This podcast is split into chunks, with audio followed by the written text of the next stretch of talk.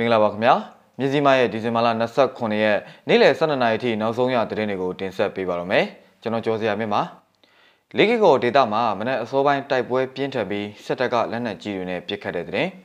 ဖရူဆိုမြို့လူစုပြုံလိုက်တပ်ဖြတ်မိရှုမှုကိုစုံစမ်းစစ်ဆေးဖို့ကုလတောင်းဆိုတဲ့တဲ့မိရှုအသက်ခံရတဲ့ပြည်သူတွေရုပ်လောင်းကိုဖျက်ဆီးဖို့စစ်ကောင်စီတပ်စ조사နေတဲ့တဲ့နဲ့ AR မြစ်တွင်လက်နက်နဲ့ရိတ်ခါတည်လာတဲ့စစ်ကောင်စီရေရင်တိုက်ခိုက်ခံရတဲ့တဲ့အစရှိတဲ့တဲ့တွေကိုတင်ဆက်ပေးသွားတော့မှာဖြစ်ပါတယ်ခင်ဗျာပထမဆုံးအနေနဲ့လေးကောဒေတာမှာမနက်အစောပိုင်းကတိုက်ပွဲပြင်းထန်ပြီးမေထော်တလီကြီးရွာဘက်ကိုစစ်ကောင်စီကလက်နက်ကြီးတွေနဲ့ပစ်ခတ်နေတဲ့တဲ့ရင်ကိုတင်ဆက်ပေးပါမယ်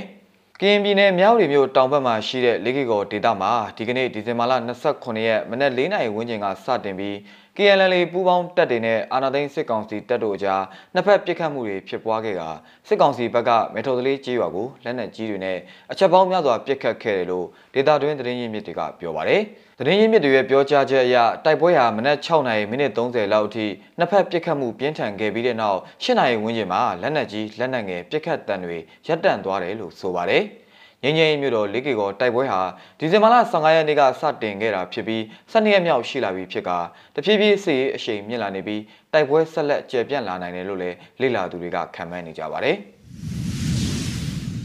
ဆက်လက်ပြီးဖရူဆိုမြို့လူစုပြုံလိုက်တပ်ဖြတ်မီးရှို့မှုကိုစုံစမ်းစစ်ဆေးဖို့ကုလတောင်းဆိုတဲ့သတင်းကိုတင်ဆက်ပေးပါမယ်။ ကရားပြည်နယ်ဖရူဆိုမြို့နယ်ကအမျိုးသမီးတွေနဲ့ကလေးတွေအပါအဝင်လူ35ဦးထပ်မံတပ်ဖြတ်မီးရှို့ခံရမှုတရင်တွေကြောင့်အလွန်တရာထိတ်လန့်တုန်လှုပ်ရကြောင်းကုလသမဂ္ဂအရာရှိတူကဒီဇင်ဘာလ26ရက်နေ့မှာထုတ်ပြန်ပြောဆိုလိုက်ပါတယ်။ မြန်မာနိုင်ငံကရားပြည်နယ်မှာဒီဇင်ဘာလ24ရက်က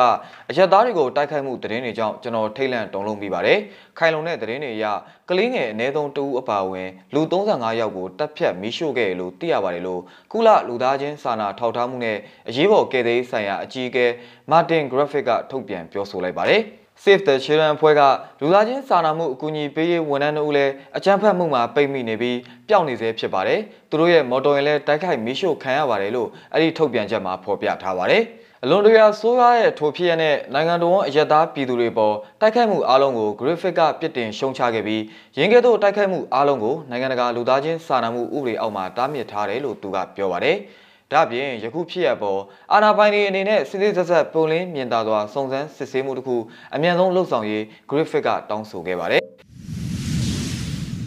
မီရှို့အသက်ခံရတဲ့ပြည်သူတွေရုပ်လောင်းကိုဖျက်ဆီးနိုင်ဖို့စစ်ကောင်စီတပ်ကစ조사နေတဲ့တဲ့ရင်ကိုတင်ဆက်ပေးပါမယ်။ ကီနီပြည်နယ်ဖရူဆိုမြို့နယ်မိုဆိုကျေးရွာနီးမီးရှို့တပ်ဖြတ်ခံရတဲ့ပြည်သူ40နီးပါးရဲ့ရုပ်အလောင်းတွေကိုဖျက်ဆီးနိုင်ဖို့စစ်ကောင်စီတပ်ကစ조사နေတယ်လို့ယူဆကြောင်းကီနီပြည်နယ်အတိုင်းအမြံကောင်စီ KSCC ရဲ့လူသားချင်းစာနာထောက်ထားမှုတာဝန်ခံကပြောပါတယ်ပြည်သူများတက်ခံခဲ့ရတဲ့မိုးဆိုချေးရွာနီးမှာစစ်ကောင်စီတပ်ဘက်ကတပ်အင်အားအလုံးရင်းနဲ့တပ်ဆွဲဖို့ကြိုးစားနေပြီး KA KNDF တပ်တွေနဲ့စစ်ရေးတင်းမာနေတယ်လို့၎င်းကဆိုပါတယ်။ နှစ်ဖက်တပ်တွေဟာအသင့်အနေထားရှိနေပြီးကီနီရဲဘော်တွေရှေ့တိုးပါကစစ်ကောင်စီဘက်ကလက်နက်ကြီးလက်နက်ငယ်တွေနဲ့ပစ်ခတ်နေတာကြောင့်နှစ်ရက်ကြာဒီဇင်ဘာလ26ရက်နေ့ညနေပိုင်းအထိရုပ်လောင်းတွေရှိရာကိုထပ်မံတွားရောက်နိုင်ခြင်းမရှိသေးတာဖြစ်ပါတယ်။ သုံးသပ်မိတာကအလောင်းတွေကဒီလိုမျိုးနိုင်ငံတကာကတည်သွားမယ်ဆိုတာမျိုးသူတို့သတိထားမိပြီလို့ကျွန်တော်ထင်တယ်လေအမေအရတခုခုဖြစ်စေမဟုတ်လဲရှိနေတဲ့စစ်ကောင်စီတပ်မှုတွေကသူ့ဟာသူကျူးလွန်ပြီးမှဒီလိုမျိုးဖြစ်တော့အဲ့ဒါကိုဖျက်ဆီးဖို့အတွက်စ조사တယ်လို့ပဲကျွန်တော်တို့မြင်ပါတယ်လို့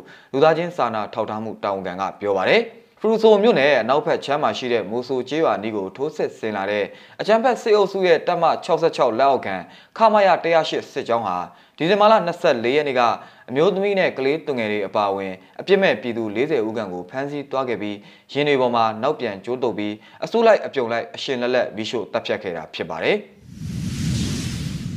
နောက်ဆုံးအနေနဲ့လန်ဒန်နဲ့ရိတ်ခါတည်လာတဲ့စစ်ကောင်စီရေရင်တိုက်ခိုက်ခံရတဲ့တဲ့ရင်ကိုတင်ဆက်ပေးပါမယ်။ထီးချိုင်းမြို့နယ် AR မြစ်ရေလေတနေရာမှာစစ်ကောင်စီတပ်သားတွေနဲ့အတူလက်နက်နဲ့ရိတ်ခါတွေတင်ဆောင်လာတဲ့အမြန်ရေရင်ကိုဒေသခံပျောက်ကြားတပ်ကရှစ်ထွက်မိုင်းလေးလုံးနဲ့တိုက်ခိုက်ခဲ့တယ်လို့သိရပါဗျ။ ဒီဇင်ဘာလ25ရက်မနက်7:18မိနစ်အချိန်ကမှသခိုင်းတိုင်းကတာခရိုင်ထီးချိုင်းမြို့နယ်မှာစစ်ကောင်စီတပ်သား30ဦးခန့်ပါလာတဲ့အဲ့ဒီရေရင်ကို Fox Army HPDF ကတိုက်ခိုက်လိုက်တယ်လို့ဒီဇင်ဘာလ26ရက်နေ့ကသတင်းထုတ်ပြန်ထားတာပါ။ပြစ်ခတ်မှုကြောင့်စစ်ကောင်စီတပ်ဖက်က60မမ2ချက်40မမ5ချက်နဲ့လက်နက်ငယ်တွေမနာတမ်းပြစ်ခတ်ခဲ့ပြီးလက်နက်ကြီးကြီးတစ်လုံးကျုံးမော်ကျ၍ပောက်ကွဲမှုတွေကြောင့်ဒေသခံတောင်သူတွေဘေးလွတ်ရာကိုထွက်ပြေးတိမ်းရှောင်ခဲ့ရတယ်လို့လည်းသိရပါဗျ။ မိနစ်အနည်းငယ်ရန်တမ်းပစ်ခတ်ပြီးခဲ့တဲ့နောက်စစ်ကောင်စီတပ်တွေဟာမိโก้တွေမှုန်နေအောင်မောင်းနှင်သွားကမြစ်အထက်ဘက်သို့ဆန်တက်သွားတယ်လို့လည်းသိရပါဗျ။အဲဒီတိုက်ခိုက်မှုမှာစစ်ကောင်စီတပ်ဖက်ကထိခိုက်ကြာရှုံးမှုစီးရင်ကိုအတိမပြုတ်နိုင်သေးဘူးလို့ဒေသခံပျောက်ကြားတပ်ဖွဲ့ကပြောပါတယ်ခင်ဗျာ။